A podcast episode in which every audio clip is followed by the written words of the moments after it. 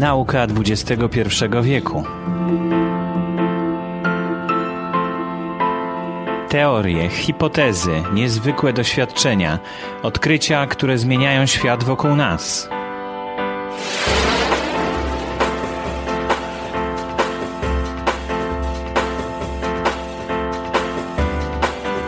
Nauka XXI wieku to podcast na temat fascynujących zagadnień z dziedziny fizyki, biologii, astrofizyki i matematyki.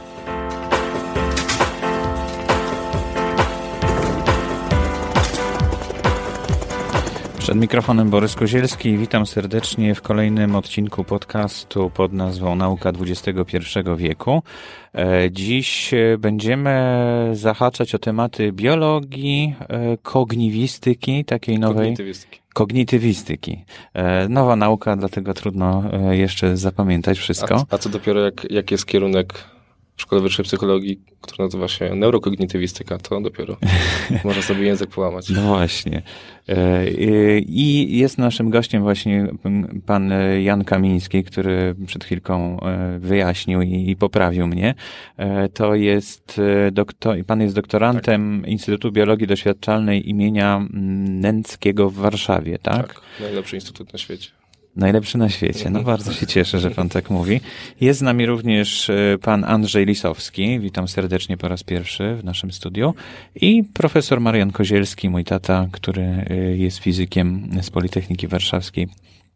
I w tym gronie będziemy pana podpytywać o, e, o to, jak te myśli chodzą, jak to się dzieje. Może najpierw, zanim, zanim przejdziemy do tego, o czym będziemy mówić dokładniej, czyli o pamięci krótkotrwałej, Chciałbym, żeby może przybliżył nam Pan, jaki jest stan wiedzy nasz na temat tego najbliższego nam e, organu, e, który, który każdy posiada i, i, i właściwie no, trudno go zbadać. Chyba przez to właśnie, tak? Znaczy, mm, na pewno jest coraz więcej badań na ten temat. Ostatnim czasem jest ogromna eksplozja właśnie prac, eksperymentów robionych e, w dziedzinie neuronauk.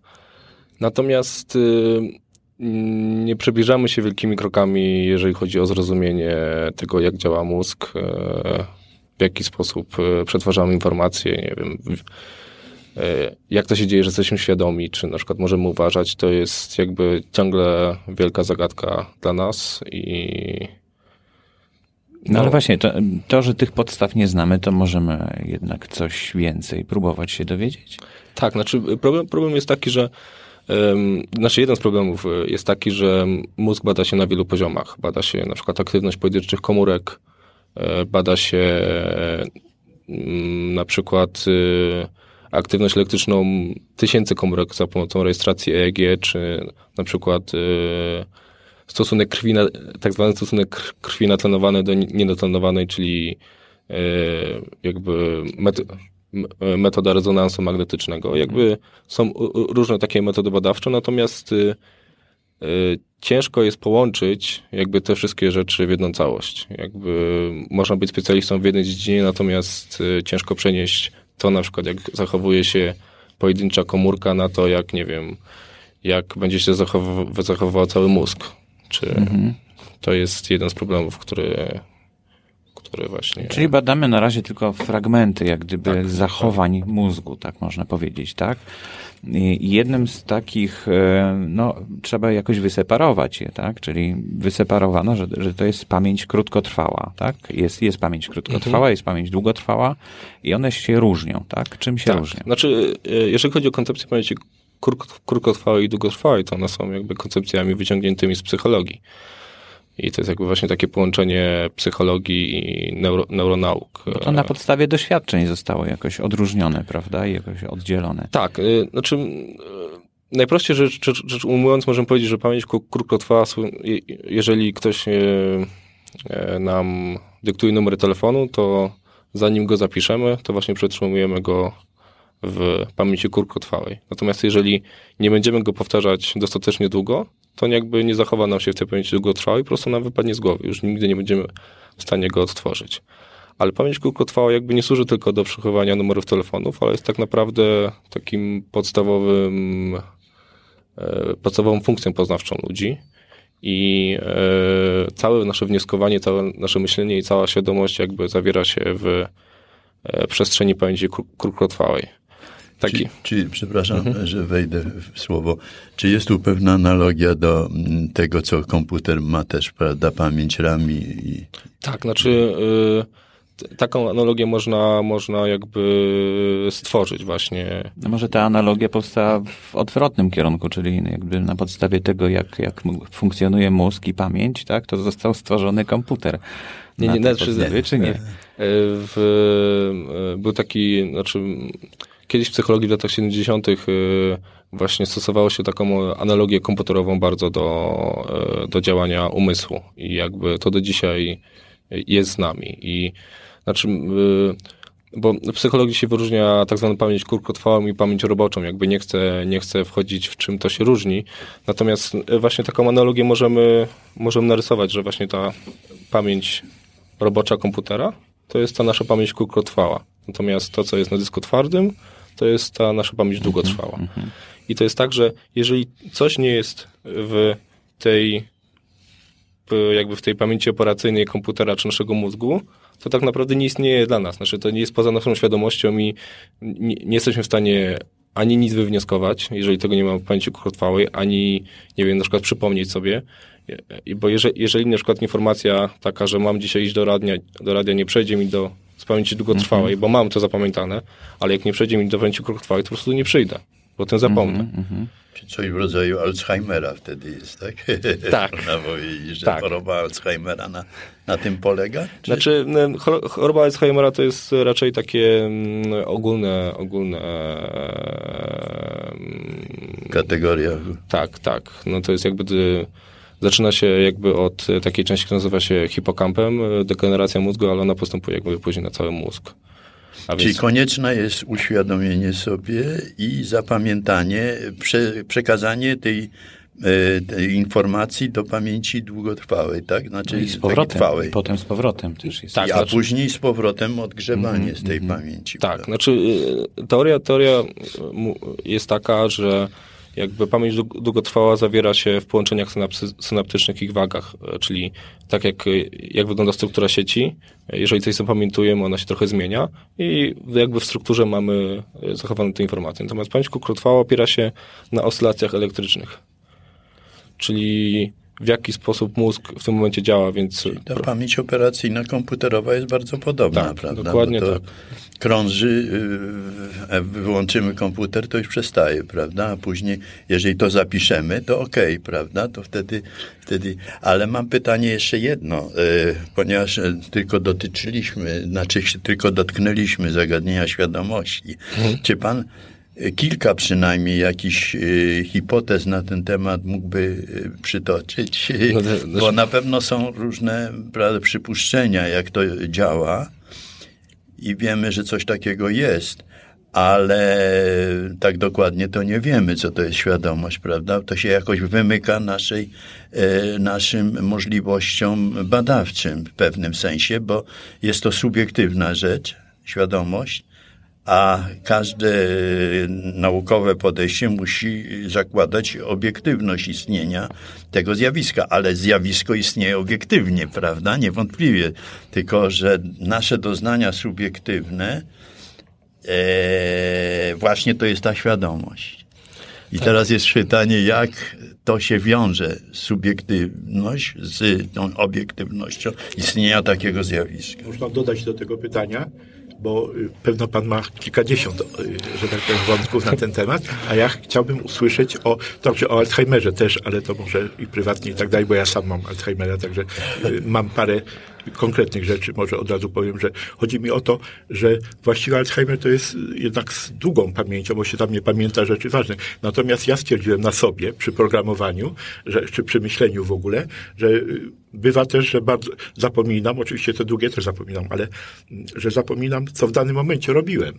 Czy myślę o czymś, później nie wiem, o czym myślałem w następnej chwili, czy to jest raczej krótkotrwałe. Ale to pana prywatnie zapytam potem. To, bo, to może być związane Natomiast właśnie z do pana procesem pytania, świadomości. Z prawda? procesem świadomości. Jest takie pewne zjawisko, z którym ja się dość wcześnie zetknąłem przypadkiem zupełnie. Miałem przyjaciela, który mi się zajmował bardzo dobrze i, i on mi pokazywał to kilkadziesiąt lat temu. I próbuję ten temat drążyć, może pan coś o nim słyszał i do pana pytania. Jest takie zjawisko w psychologii jeszcze znane tam od gestaltystów i tak dalej, zjawisko stałości percepcji. Nie wiem, czy pan z tym coś...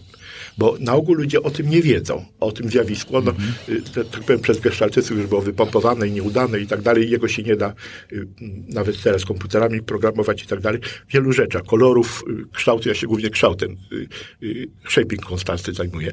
I to jest bardzo, właśnie ono rzuca na filozoficzne problemy świadomości bardzo silne światło, że chodzi o to, że właściwie w percepcji my widzimy, my łapiemy rzeczy, które są już y, najważniejsze. Y, przy zmianie oświetlenia, przy jakichś różnych tych, widzimy, mm, widzimy prawdziwe kolory, a nie, nie te, które tam przy oświetleniu. No, dobry przykład jest taki, że y, biała kreda w cieniu w oknie, przy słońcu tam, ale w cieniu ją położymy, a obok czarny węgiel w słońcu. Wiemy, że to jest czarne, to jest białe. Jeżeli spojrzeć lokalnie na tym, to jest dokładnie odwrotnie. Czyli my y, eliminujemy te rzeczy nawet bardzo silne, typu oświetlenia, typu jakichś tych. To jest akurat drastyczny przykład, ale w kolorach to bardzo dużo, w różnych rzeczach to występuje, że właściwie takie inwarianty wyciągamy w świadomości. Już percepcja jest nie zbiorem sensualnych y, różnych właściwie bodźców i sumy tego, ale jakimś takim wyborem już. I to się dzieje na poziomie już kory mózgowej. Na poziomie siatkówki i tak dalej jest, obra, y, jest po prostu idzie potokiem sensualne rzeczy, a tam później jest wyciągane, są te inwarianty typu y, to modele matematyczne jakieś takie przybliżone, niedokładne są, że to idzie jakieś różniczkowanie tych rzeczy, a później całkowanie na poziomie już kory mózgowej, gdzie wyciąga mhm. właśnie te najważniejsze rzeczy, już biorąc pod uwagę doświadczenie, tam różne inne rzeczy. Co pan z tego punktu widzenia, jak pan no, widzi zasypaliśmy pana właśnie. pytania. teraz, teraz poprosimy krótko, zwięzłą odpowiedź. tak. E, znaczy taka jakby taka stałość nasza percepcji to jest w ogóle jakby niesamowita sprawa, bo na przykład jeżeli my ruszamy oczami, tak, z jednego punktu, jeżeli się patrzy na pana, teraz na pana, no to jakby e, zmiana obrazu w naszych mózgach jest dramatyczna. No to jest jakby ktoś wziął naszą głowę i ją, ją rzucał, tak? Natomiast my mamy wrażenie, że jakby obraz jest stabilny, że to, co widzimy, to jest e, bardzo stabilne. I tak samo na przykład okazuje się, że nasza, nasze oczy Y, wykonują tak zwane mikros, mikrosagady, czyli w bardzo krótkim czasie drżą, tak? A nam się wydaje tak naprawdę, że jakby bardzo stabilnie jesteśmy w stanie... No, ale to kwestia przetworzenia obrazu przez mózg chyba, tak? Tak, dokładnie tak. Czyli dokładnie stabilizację tak. jakąś mamy, tak jak w nowych aparatach jest, tak? tak że Na przykład stabilizuje. Też jak idziemy, idziemy, bo tak naprawdę jeżeli człowiek idzie, to podnosi i opuszcza głowę, tak? Natomiast dla nas świat jest cały czas stabilny. To no jest tak. jakby mhm. niesamowite rzeczy, jakby jak nas, jak mózg nasz, nas okłamuje. E... Wyciąga ważniejsze rzeczy po prostu. Znaczy, jak kamerze kamerujemy, to, to na ogół, jeżeli ona ma e, taki mechanizm budowany, który właśnie po, mhm. mimo, że ona drży ta kamera, to jednak obraz przekazywany na bieżąco na przykład jest stabilny. To jest podobna, e, chyba podobny mechanizm prawdopodobnie, ale Yy, odbiegliśmy trochę od tego tak, zasadniczego. Tak. No właśnie. Znaczy, świadomość bardzo trudno się bada, no, chyba w każdej nauce. O wiele bardziej łatwiej, o wiele łatwiej badać e, procesy nieświadome. Czyli tak naprawdę jakby co jest przetwarzane poza naszą świadomością. Automatyczne. Znaczy. Automatyzm, automatyzm jest e, taka, taka bardzo popularna praca Roberta Zająca, Amerykanina polskiego pochodzenia, który właśnie E, stosował bodźce podprogowe, czyli przez bardzo krótki czas wyświetlał e, twarz, która wyrażała uśmiech i zaraz po tym wyświetlany osobie podanym był obraz, który nie miał znaczenia. To chyba były chińskie ideogramy. I osoba musiała stwierdzić, czy ten, czy ten obrazek wydaje się pozytywny, czy negatywny. No i okazało się, że osoby, które wcześniej widziały albo nie, ciężko to nazwać, nie widziały, ale miały przedstawione e, twarz pozytywną, to istotnie lepiej oceniały ten obrazek niż na przykład te, które miały negatywną twarz, e, mhm. e, czyli wyrażającą jakąś, jakieś złe emocje. Czyli re reklama podprogowa działa jednym słowem. Tak, znaczy e, pewnie reklama podprogowa nie zmusi nas do tego, żebyśmy wstali z kanapy i poszli kupić jakiś produkt, natomiast e, jakieś po pozytywne asocjacje. A, czyli ja już wiem, dlaczego jak widzę ten proszek, to się uśmiecham w sklepie, tak? Po prostu, jak się przychodzi. Tak, znaczy w Polsce reklama podprogowa jest zakazana, więc raczej, raczej to... To dobrze. Znaczy, ale właśnie reklama, e, czyli właściwie tak naprawdę przekaz powtarzany setki razy, który do mhm. nas dociera, do tej pamięci krótkotrwałej, prawda? On wpada i, i być może przez sam fakt tego, że, że tak często tam gości w tej pamięci mhm. krótkotrwałej, zostanie zrzucony do pamięci długotrwałej, tak? Tak. Tak. I potem, i potem jak, e, no, potem wchodzimy do sklepu i rzeczywiście, no widzimy, że ten, ten proszek znamy. To, to jest dla nas coś przyjemnego, coś, coś znajomego. Tak, Natomiast inny to w ogóle takie wydają się obce, prawda? Jakieś. Znaczy, też jest taki efekt, e, który nazywa się efekt ekspozycji, gdzie e, na przykład podprogowo tutaj również pokazuje się jakąś, jak, jakąś osobę i później uczestnik badania wyżej ocenia, nasz, lepiej ocenia wygląd tej osoby niż, niż innej osoby. Tylko, że z, z tym efektem ekspozycji też jest y, negatywny, negatywna taka, taka konotacja, ale to jest bardziej z mojego życia takiego, że jeżeli ja wchodzę na portal internetowy i za każdym razem mi się e, ładuje ta sama reklama 30 raz czy 40, a ja chcę zobaczyć, nie wiem, mój ulubiony film, no to wtedy ja sobie świadomie zapamiętuję, pamiętaj, ta firma jest niedobra. No właśnie, tak, czyli może działać odwrotnie. Mhm. Że to przeszkadza. Znaczy, jeżeli tak bardzo jest intrusywny, in, in, intruzywny ten jakby ten kontakt, zwłaszcza w internecie, kiedy jakby ludzie mają, e, nie lubią jak coś, wyskakują jakieś e, rzeczy niepożądane, Mhm. Spam generalnie mówiąc, tak można Spam. powiedzieć. Dobrze, ale wróćmy znowu do, e, do tych badań, które, które pan e, zainicjował i które pan prowadzi. Mhm. E, dotyczą one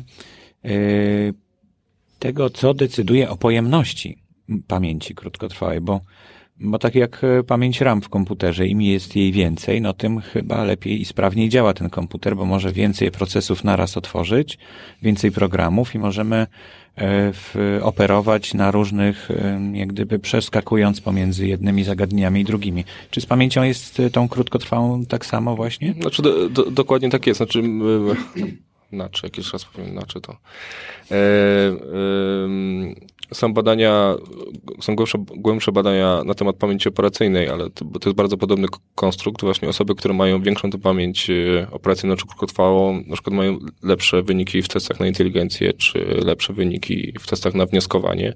Także jakby ta ten, y, ta pojemność pamięci krótkotrwałej jest dla nas bardzo ważna. To jest, y, no, tak jak mówiłem, jeżeli, jeżeli cała, całe nasze wnioskowanie świadome właśnie zawiera się w tej pamięci krótkotrwałej, no to im więcej rzeczy jesteśmy w stanie e, jakby włożyć tej pamięci, tym no, nasze wnioski mogą być bardziej głębsze. Tak naprawdę mhm. no ale dobrze, ale to jeszcze idąc dalej tą analogią. Jeśli idziemy spać, to ta pamięć mhm. krótkotrwała zostaje wyłączona? Tak. Aha, czyli to jest taki stan. Tak, chyba, że rozumiem, że śnim, no to, to tam się coś dzieje.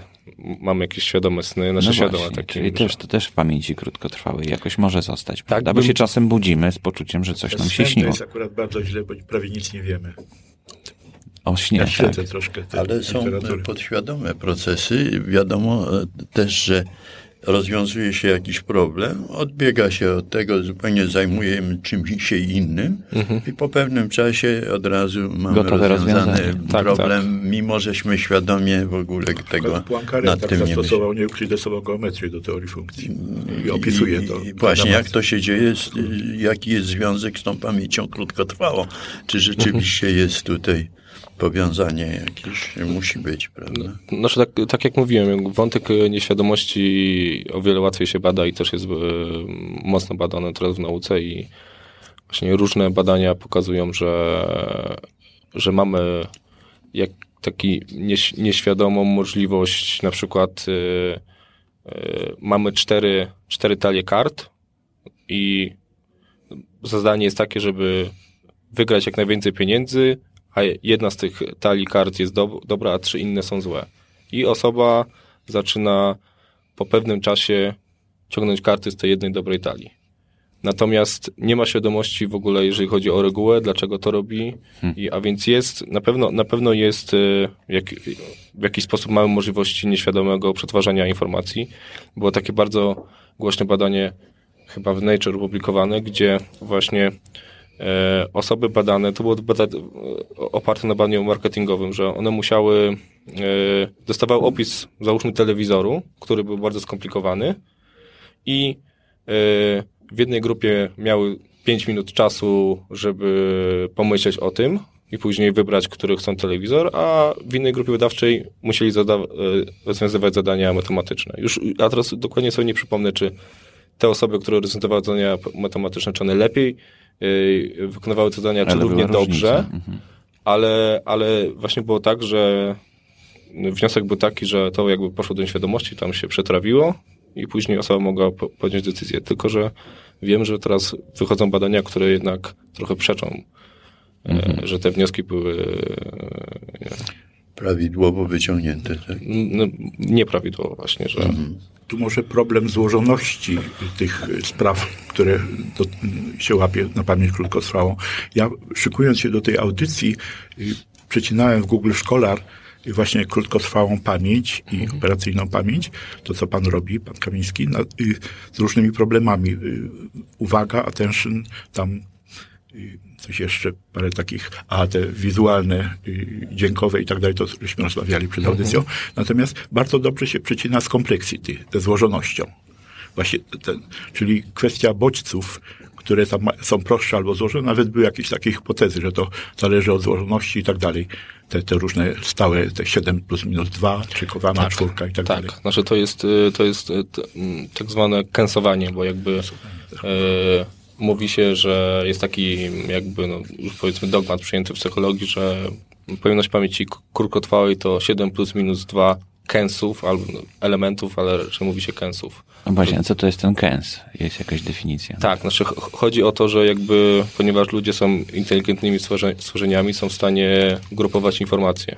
I na przykład y, w naszym badaniu, jak mierzyliśmy pamięć, y, pojemność pamięci krótkotrwałej, to eksponowaliśmy osobom litery, no tu, cyfry do zapamiętania.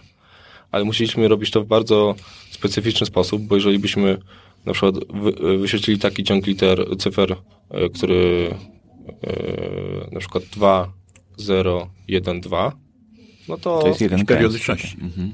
To wtedy. No bo to jest rok, prawda? To jest rok. Mhm. I wtedy. Zapamiętujemy go jako bieżący rok, tak? Tak, i mhm. wtedy e, jakby. Lepiej się pamięta. Dokładnie, ale jakby ta informacja za, y, o wiele mniej zajmuje nam y, no miejsca. Właśnie. Ale czy pamiętanie tych długich ciągów znaków, właśnie, bo niektórzy się specjalizują mhm. w tym, mhm. prawda, żeby zapamiętać jak najdłuższe są w ogóle zawody w tym. Mhm. Czy to właśnie na tym polega, tak, że się grupuje tak. te kęsy, ich, ich jest po prostu tak. prawie tyle samo, tak? Tylko, że są większe większe. Tak? Dokładnie tak. To jest jakby umiejętność y, jakby kojarzenia y, ciągów cyfr w jakieś rzeczy, które są dla nas y, znane. Tak, i hmm. wtedy to o wiele łatwiej. Jadalne są bardziej. Bardziej są jadalne. No właśnie, ale to skaczemy z tematu na temat, to ja przeskoczę na jeszcze jeden. Czy ćwiczenie tej pamięci mhm. powoduje jej rozwój? Tak jak to chyba ty kiedyś mi mówiłeś, tak, że, tak, tak. że jak się ćwiczy mózg, umysł, to tak jak bicepsy po prostu rośnie i, i staje się bardziej aktywne, znaczy, bardziej sprawne. Podobno właśnie e, ilość synaps tam zwiększa się w mózgu, czy to prawda? Fizycznie. Um... Znaczy, nie, nie, przypomnę sobie teraz, e, teraz dokładnych badań na temat zwiększenia ilości synaps, a y, pojemnością pamięci i krótkotrwałej czy operacyjnej, ale są badania, które pokazują, że faktycznie e, takimi e, ćwiczeniami poznawczymi jesteśmy w stanie zwiększyć tą pojemność e, pamięci krótkotrwałej czy operacyjnej. Zresztą my teraz prowadzimy taki cykl badań i wszystkich chętnych zapraszam na badania, które, w których właśnie mierzymy pojemność pamięci krótkotrwałej przed treningiem, później osoba badana przez E, przez internet przechodzi trening tej pamięci operacyjnej i później znowu mierzymy, e, czy ta pojemność pamięci krótkotrwałej się zwiększyła, a jeżeli się zwiększyła, czy ten, czy ten współczynnik, który my wyliczamy, czy też się zwiększył. Można by filozoficznie ogólnić, że w ogóle twórczość y, jest pożyteczna, szczególnie w starości. Jest słynny wiersz y, mm, Rilkego, przetłumaczony genialnie na rosyjski, znam akurat y, ten przekład, że stary człowiek nie może być nietwórczy, bo to w ogóle straszne. Także bardziej stary powinien być bardziej twórczy i to wtedy podobno właśnie tak jak rozwija, znaczy ćwiczenia i tak dalej, ale tutaj ogólnie, nie tylko tam pamięć, ale w ogóle twórczość. Genialny wiersz Rilkego to musimy sięgnąć do niego. Mogę ja bym tylko... Y, tak. ta, to bardzo prosimy. Jest... Nie. Użurniejec barbaris, i aromatom u wiatrzych astr tak ciężko dyszy sad. Tot, kto na skłonie leta nie bagat, tam już nikogda nie być bogatym. I kto pod ciężkością przykrytych wiek nie ощutić igry wieczernych blików i rokota nacznych głubinnych rzek i w nią samą rażdających sialików, tot kończony – тот старый человек. И каждый день его зъяние пустоты, и ложу все к нему обращено, i ty, Господь, как будто камень ty, его влекущий медленно на дно. Lepsze niż Rilke przekład. W Sternakach. No właśnie, a tutaj musiało też zadziałać troszeczkę, prawda, w, w naszych umysłach. Skoro przeskoczyliśmy na język rosyjski, ktoś, kto się uczył, może intensywniej starać się przypomnieć sobie, co znaczą te słowa. Natomiast ktoś, kto się nie uczył języka, no w ogóle się może wyłączyć, tak? Tak. To Tak, znaczy... Pan no, chyba nie zrozumiał jako. y, wiersza? Nie, ale w ogóle rosyjskiego pan chyba nie. Y, Już To pokolenie. powiem dwa zdania. no właśnie, proszę Ale powiedzieć. nie, nie na antenie. E, w- Też jest taki efekt na przykład, że jeżeli prze- przebywamy bardzo długo za granicą, mówimy w języku obcym, to zaczynamy też w nim myśleć. Mhm. Też jakby te myśli, które nam się pojawiają w pamięci krótkotrwałej są nie w innym Idziemy języku. na skróty w pewnym sensie, Tak. prawda? Nie, No bo- nie przetwarzamy najpierw na własny język, tylko od razu w tym języku rozumujemy. To jest znane zjawisko, tak. Ale y, oprócz tego przyrastania, prawda, tych y, synaps czy neuronów, synaps raczej, istnieje zjawisko odwrotne, prawda, zaniku. I codziennie właśnie u, ludzi i u młodych też. E, Ileś tam nowych się tworzy, ale ileś się degeneruje starych, prawda, niszczy się. I teraz jest kwestia tej, czy, czy przy, przyrost jest większy, czy, czy ubytek. Znaczy, No, ale ja bym proponował wrócić do tematu, bo to, to chyba tego się nie dowiemy tak łatwo, bo to czasem Właśnie, pewnie przyrasta, czasem maleje, tak? Znaczy na, na pewno tak jest, jak pan profesor powiedział, że e, mózg jest jak mięsień, jak się go nie ćwiczy, to on e, jakby po prostu Więdnie. więdnie i, i no, właśnie są takie e, teraz e, wprowadza się takie teorie, żeby tymi treningami tre, spróbować tymi treningami poznawczymi e, ludzi średnich, średnim, ludzi średnich wieku trenować tak, żeby e, e, Starość mieli. Tak, żeby ta jakby te załamanie na starość było e, o wiele łagodniejsze, żeby jakby te funkcje poznawcze przetrwały w jak najlepszej kondycji. Czy pan słyszał o takim badaniu amerykańskim, że badano siostry zakonne i okazuje się, że te, które się modliły naprawdę tak szczerze i tak dalej, dobrze, miały mniej Alzheimera i to znacząco. Nie. To też ciekawe. Właśnie takie ciekawe informacje do nas docierają, ale dzisiaj skupmy się jednak na tej informacji, którą dostaliśmy tutaj od Państwa. E, Bo e, pa- Pana doświadczenia potwierdziły pewne przypuszczenia z lat 90., tak? Dobrze pamiętam?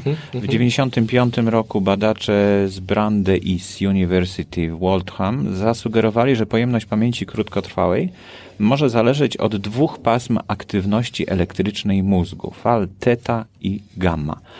Czyli rozumiem, że oprócz tych synaps, to, to jeszcze tam są jakieś fale, tak? Tak, oprócz synaps są fale. Znaczy te, te synapsy drgają i te fale powodują, co to powoduje te fale? Em, Fale powoduje e, nasza elektryczna aktywność mózgu, bo mózg, nasz mózg działa tak, że przesyła elektryczne impulsy w tej sieci neuronalnej i jakby e, to przekazywanie tych impulsów powoduje właśnie budowanie się potencjału elektrycznego, który jesteśmy w stanie zarejestrować różnymi metodami. My tutaj w tej metodzie używaliśmy elektroencefalograf, czyli w, krócie, w skrócie EEG. Jest to y, taka metoda, gdzie zakładamy osobie badanej taki czepek z elektrodami na głowę i jest to zupełnie nie, nieinwazyjna metoda i okazuje się, że ten potencjał elektryczny generowany przez nasze neurony jest na tyle silny, że jest w stanie właśnie przedostać się przez e, czaszkę i jestem się w stanie go rejestrować na powierzchni głowy, co jest e, co jest bardzo miłe dla, właśnie dla badaczy mózgu. Że taką no ciężko się przebić chyba, bo to jednak to Cię... twarda jest powierzchnia. Cię... To jest podobne, czy do pewnego stopnia jest to podobne zagadnienie, jakbyśmy byli bardzo wysoko samolotem mhm. i widzieli nie tyle miasto, poszczególne te mm, światełka, tylko rozjaśnienie pewnego obszaru mhm. y, przestrzeni, byśmy powiedzieli, a to jest miasto. Czyli my tutaj, mając te czepki na głowie, jesteśmy w podobnej sytuacji, czyli nie widzimy poszczególnych procesów przebiegających między poszczególnymi jakimiś Ale u neuronami. czasem widzimy, tylko... bo się włamujemy do małp U ludzi też czasem widzimy, też się włamujemy. Ale nie, nie w tym czepku, prawda? czyli gdybyśmy się wstrzelili do konkretnego neuronu za pomocą e, sondy jakiejś, to mhm. wtedy moglibyśmy powiedzieć coś o działaniu tego neuronu. A tak to mamy, mamy łączną informację z y, właściwie postaci potencjału. Ale jakaś ciągłość, znaczy widzimy ciągłość, także jak gdyby no, to, to, to jest tak, jak mówiłem, że bardzo trudno jakby wnioskować y, taki poziom, jeżeli rejestrujemy aktywność pojedynczej komórki elektrodą włożoną do wnętrza mózgu. Czy to jakiegoś... Właśnie, czy, czy, czy, czy świadomość, wracając do tego zagadnienia, prawda, czy świadomość jest związana z aktywnością pojedynczych, czy istnieją takie mhm. bity świadomości, y, tak jak jakieś kwanty świadomości, prawda, czy, czy to... E, czy powiedzmy, czy, czy na poziomie jakiejś mrówki, czy przy takim małym mózgu, czy mrówka ma jakąś, powiedzmy, świadomość, może szczątkową inną na pewno niż nasza, prawda? Ale czy w ogóle ma coś takiego? Tego nie wiemy. Nie wiadomo, czy w ogóle będziemy wiedzieć kiedykolwiek. Czy komputer może mieć świadomość na przykład, prawda? Jeżeli chodzi o badania na zwierzętach, to chyba jedyne, co jesteśmy w stanie badać, to samoświadomość. Czyli e, są badania, które pokazują na przykład, że jeżeli szympansom wymaluje się czerwoną e, kropkę na czole, to one podchodzą do lustra, łapią się za czoło. I to jest jakby... Świadczy, że wiedzą, gdzie to jest, że to odbicie to, tak. to są oni. Tak się tak. dedukuje właśnie, właśnie mhm. tą samoświadomość. Natomiast no, świadomość to jest, e, tak jak rozmawialiśmy, no to jest jakby też nasze wewnętrzne odczucie i subiektywne, subiektywne i jakby nie ma, nie ma e, jakichś takich specyficznych oznak e, behawioralnych, e, które na przykład jeżeli ktoś, jeżeli zwierzę jest zadowolone, to jesteśmy w stanie stwierdzić to jakoś po wyrazie twarzy czy, czy wyrazie ciała i możemy badać emocje u zwierząt. Natomiast... Może jakaś, to pada pytanie pana profesora, że właśnie ta różnica między jak gdyby lokalnymi a bardziej globalnymi rzeczami, ona się przejawia nie tylko na poziomie właśnie tych badań elektrycznych, ale głębiej na poziomie powiedzmy tego, co, co mówiłem o stałości percepcji. Że chodzi o to, że całości, właśnie oddzielenie ważnych od nieważnych rzeczy, strumień świadomości strumień sensorycznych danych, to jest rzecz, którą musimy bardzo obrabiać i dopiero z niego wyciągać ważne rzeczy. I to jest ta stałość percepcji, którą zupełnie nie rozumiemy. Gestaltyści to trochę ruszyli i tak dalej, ale nie dali sobie z tym rady i współczesna, y, współczesne właśnie badania próbujące y, badać tą stałość percepcji doprowadziły do tego, że większość psychologów, pan jest wyjątkiem, większość psychologów nie słyszała o stałości percepcji. Ja to sprawdziłem u nas na stawkach y, i, i w Instytucie Psychologii i, i na Chłodkowskiej w tym waszym. Większość psychologów nie, nie słyszało o stałości percepcji. To jest Pan jest dobrym wyjątkiem. E, jeżeli chodzi o, o, mm, o tą naszą świadomość, to e, myślę, że są takie i czy świadomość może być w jednej, w jednej aktywności jednej komórki na przykład zakodowana, to, to takie, są takie badania, które zresztą prowadzą do mojego tematu, a więc opowiem o nich. W latach 70. odkryto właśnie dzięki rejestracjom wewnątrzmózgowym u szczurów takie komórki, które odpowiadały, znaczy, które były aktywne w momencie, kiedy szczur dochodzi do pewnego miejsca. Czyli nazwano je komórkami miejsca. I okazało się właśnie, że jeżeli zwierzę miało zapamiętaną jakąś mapę, czy jakiś labirynt, to znajdowano specyficzne komórki, które były aktywne na przykład na danym zakręcie albo przy e, danym, danym specyficznym miejscu. Tak po angielsku te komórki się nazywają. Place cells. Place cells, tak.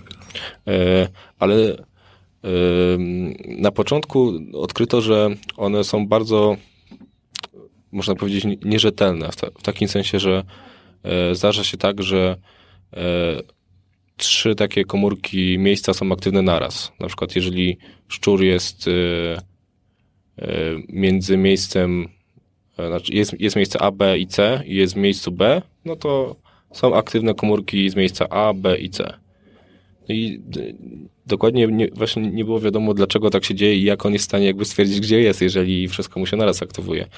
I, ale e, później w 93 roku chyba E, okazało się, że te komórki są aktywne właśnie, aktywują się po kolei. Czyli najpierw aktywuje się komórka z miejsca A, później z miejsca B i później z miejsca C.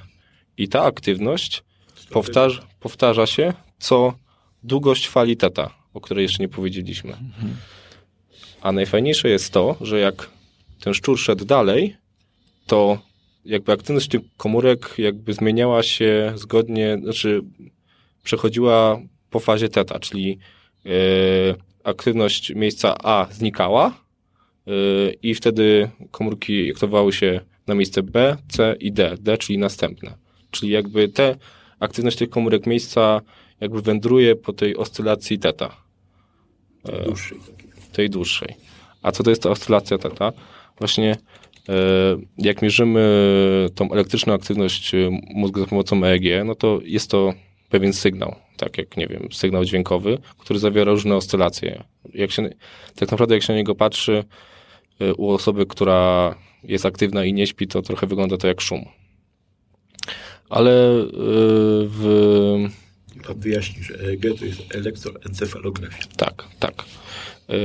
Ale mm, badacze zaczęli widzieć jakby w tym szumie różne składowe. I jakby pierwszą taką składową, którą zauważono, to, była, to były fale alfa, e, bo to one mają jakby największą amplitudę i są najbardziej widoczne. Kiedy e, osoba, której rejestruje się EEG zamknie oczy, to wtedy widać e, w tym sygnale EEG takie duże oscylacje, które do, dominują i one mają częstotliwość między 8 a 12 Hz, czyli między 8 a 12 cykli na sekundę.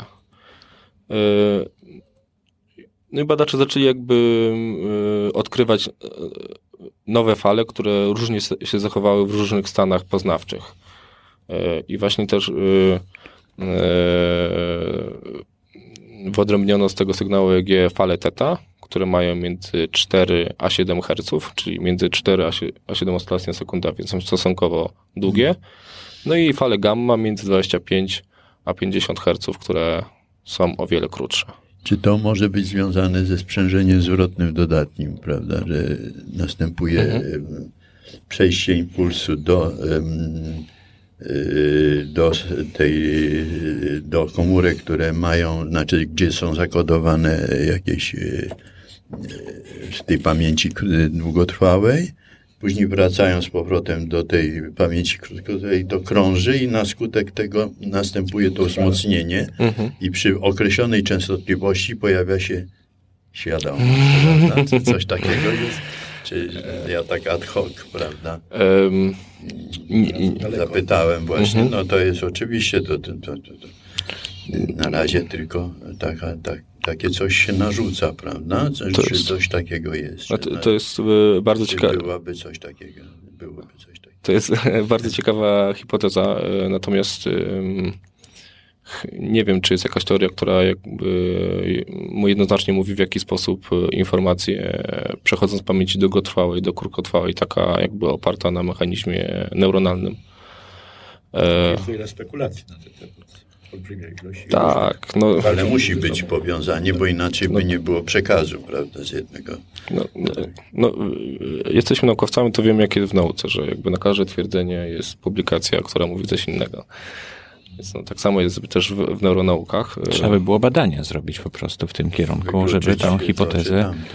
Mm, tak. Ciekawe Ale- badania się robi na temat orientacji. Państwo robili z tym space, do place, tak, ten y, miejsca, ale czy pan próbował, czy może pan zna te badania na temat orientacji linii? Bo na ten temat są bardzo dokładne mapy i to z różnych neuroimaging i tak dalej, że są takie wiatraczki po prostu na, w korteksie, w korze mózgowej, y, wiry po prostu w jedną i w drugą stronę, które jak gdyby te orientacje łapią. Jeżeli się zmienia orientację jakiejś linii i bada się właśnie, jak widać te wiry, to rzeczywiście widać zmieniające się kierunki tych wiatraczków. I to setki takich wiatraczków można na obrazie zobaczyć. Olbrzymia literatura jest na ten temat. Ja tymi wiatraczkami trochę się interesowałem. Specjalnie nie wiem, czy, jakie pana wrażenia z tego są. Czy takie badania, czy, w, po, czy ktoś robił, czy w, w sensie krótkiej pamięci i tak dalej. Znaczy, y, Może ostrzej niż te, niż te y, położeniowe, niż te place. Mhm. Y, To działa, bo to rzeczywiście widać w różnych sposobach. I, i przez fale, i Mhm. przez y, neuroimage, przez jakieś kolory tych, po prostu tam jakieś właśnie aktywności, czy tej y, tlenowej, o której pan mówił, czy jakieś Mhm. inne jeszcze takie kwestie.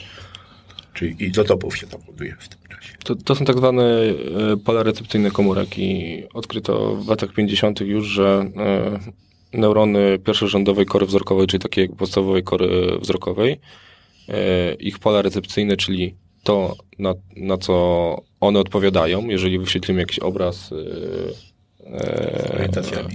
e, jakiś obraz zwierzęciu, e, to okazuje się, że one właśnie odpowiadają na takie pałeczki, czyli takie e, o różnej orientacji. I różne, różne te neurony odpowiadają na te pałeczki o... I w ten sposób mózg identyfikuje kierunku, kierunek. Tak. To jest, E, Podobne zagadnienie występuje przy słuchu. Okazuje się, że wewnątrz Tak, e, e, istnieje cały, tak jak w organach, mamy piszczałki o różnej długości, podobnie jest w organie słuchu i wtedy ta piszczałka, która zareaguje, daje sygnał, że to jest taki, a taki dźwięk tej częstotliwości konkretnej. Ale wracając do tych wiatraczków, czy pan, pan jakieś ma skojarzenia tutaj? Z Eee, orientacją? mm, Jeśli nie robili podobnych? nie, nie, znaczy my nie robiliśmy e, takich badań, e, przynajmniej Ma pan jakieś prace o krótkotrwałej pamięci związanej z tym, czy tych falach, jak tam się zachowują fale? Ja coś czytałem, ale już nie pamiętam w tej chwili o tych falach, że nie tylko obrazki, te kolorowe, tych różnych pulsów. No ale ja myślę, że pana Jana powinniśmy pytać właśnie o to, czym, czym on się zajmował, bo, bo to też Właśnie, ciekawe jakie, odkrycia. Jakie wnioski, które rzutują powiedzmy na, na ten zasadniczy temat e, e, do, trudny do rozgryzienia. Czyli tutaj przeczytaliśmy, że, że w 95 roku badacze zasugerowali, że pojemność pamięci krótkotrwałej może zależeć od dwóch pasm aktywności elektrycznej mózgu, fal teta i fal gamma. Czyli pana te badania potwierdziły to, tak? Tak, y, y, jakby w tym, w tym modelu, który, który zaproponował Lisman i Diard, y, oni postulowali, że właśnie poszczególne kęsy informacji są kodowane przez aktywność komórek w jednym cyklu y, fali gamma. I następna, następny kęs informacji jest kodowany w następnym cyklu.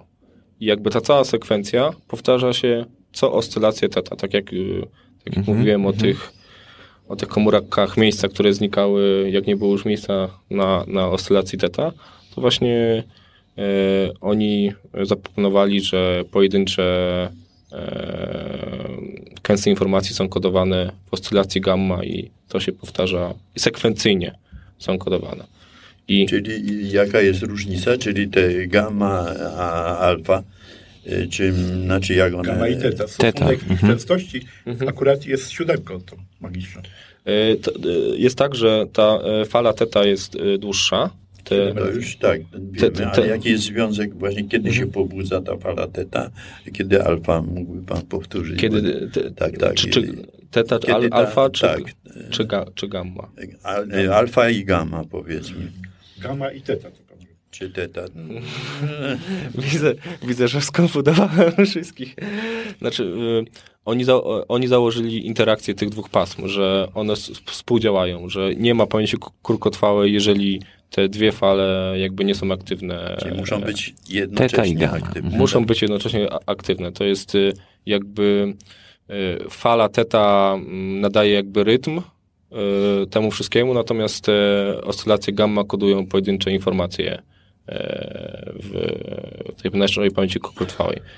Z tej, znaczy z tej teorii wynika taki prosty wniosek, że nasza pojemność pamięci krótkotrwałej jest, zależ, jest zależna od liczby tych cykli gamma, które są w stanie mieszczą się Czyli jest związek bo właśnie e, między właśnie, e, bo z kolei ja kiedyś się dowiedziałem o takiej rzeczy, że istnieje pewne opóźnienie e, w stosunku, znaczy reakcji e, mózgu na bodziec zewnętrzny i jeżeli to opóźnienie występuje mm, w jakimś powiedzmy jednej trzeciej sekundy, gdzieś to jest właśnie tego jednej trzeciej e, Milisekundy. chyba Nie sekundy, to znaczy to... no coś, 300 coś milisekund. y, Wiem, że jedno, więc to by się zgadzało z tą falą, prawda, alfa, która Mhm. ma właśnie częstotliwość podobną.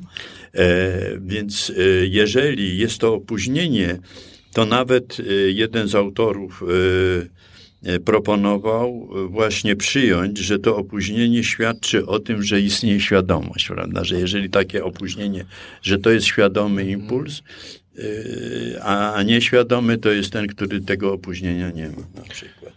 E, znaczy... Cie... Czy jest coś takiego właśnie? Czy, czy ja dobrze, dobrze to Mhm. Na, interpretuję? na pewno jest tak, że jeżeli eksponujemy komuś jakiś bodziec, na przykład wizualny, to wtedy e, sygnał wywołany tym bodźcem, na przykład z kory wzrokowej, rejestrujemy z pewnym opóźnieniem. Pierwsza siln, silna fala e, ma latencję około 100 milisekund. Czyli pokazujemy coś e, osobie badanej i rejestrujemy odpowiedź 100 milisekund po tym, jak, jak pokazaliśmy. Natomiast e, nie ma to bardzo dużo związanego ze świadomością, tylko raczej z tym, że jakby transdukcja sygnału na, na, e, no, na, na oku, czyli na siatkówce. O, Tak. Na siatkówce zajmuje pewien, pewien czas, impuls później, Aha, impuls czyli pu, później... Nie z prze- przetwarzaniem informacji, ile z czasem dotarcia do tych ośrodków tak, tak, e, przetwarzania. tak możemy powiedzieć. Na przykład y, Dotarcie to jako szybkie, ale tam idzie to różnicą. Ale ta fala, czy tą falę można traktować jako Informacji. taką falę nośną, która niesie ze sobą te częstotliwości, które przekazują już Nie konkretne tylko szybkość informacje. fali, a właśnie przetwarzanie. Czyli tam jest jak gdyby takie tym długie. pociągiem, prawda, który Mhm. y, wagon, a wagony to są te, y, tak można by było popularnie Mhm. ująć, to są te, te informacje, prawda?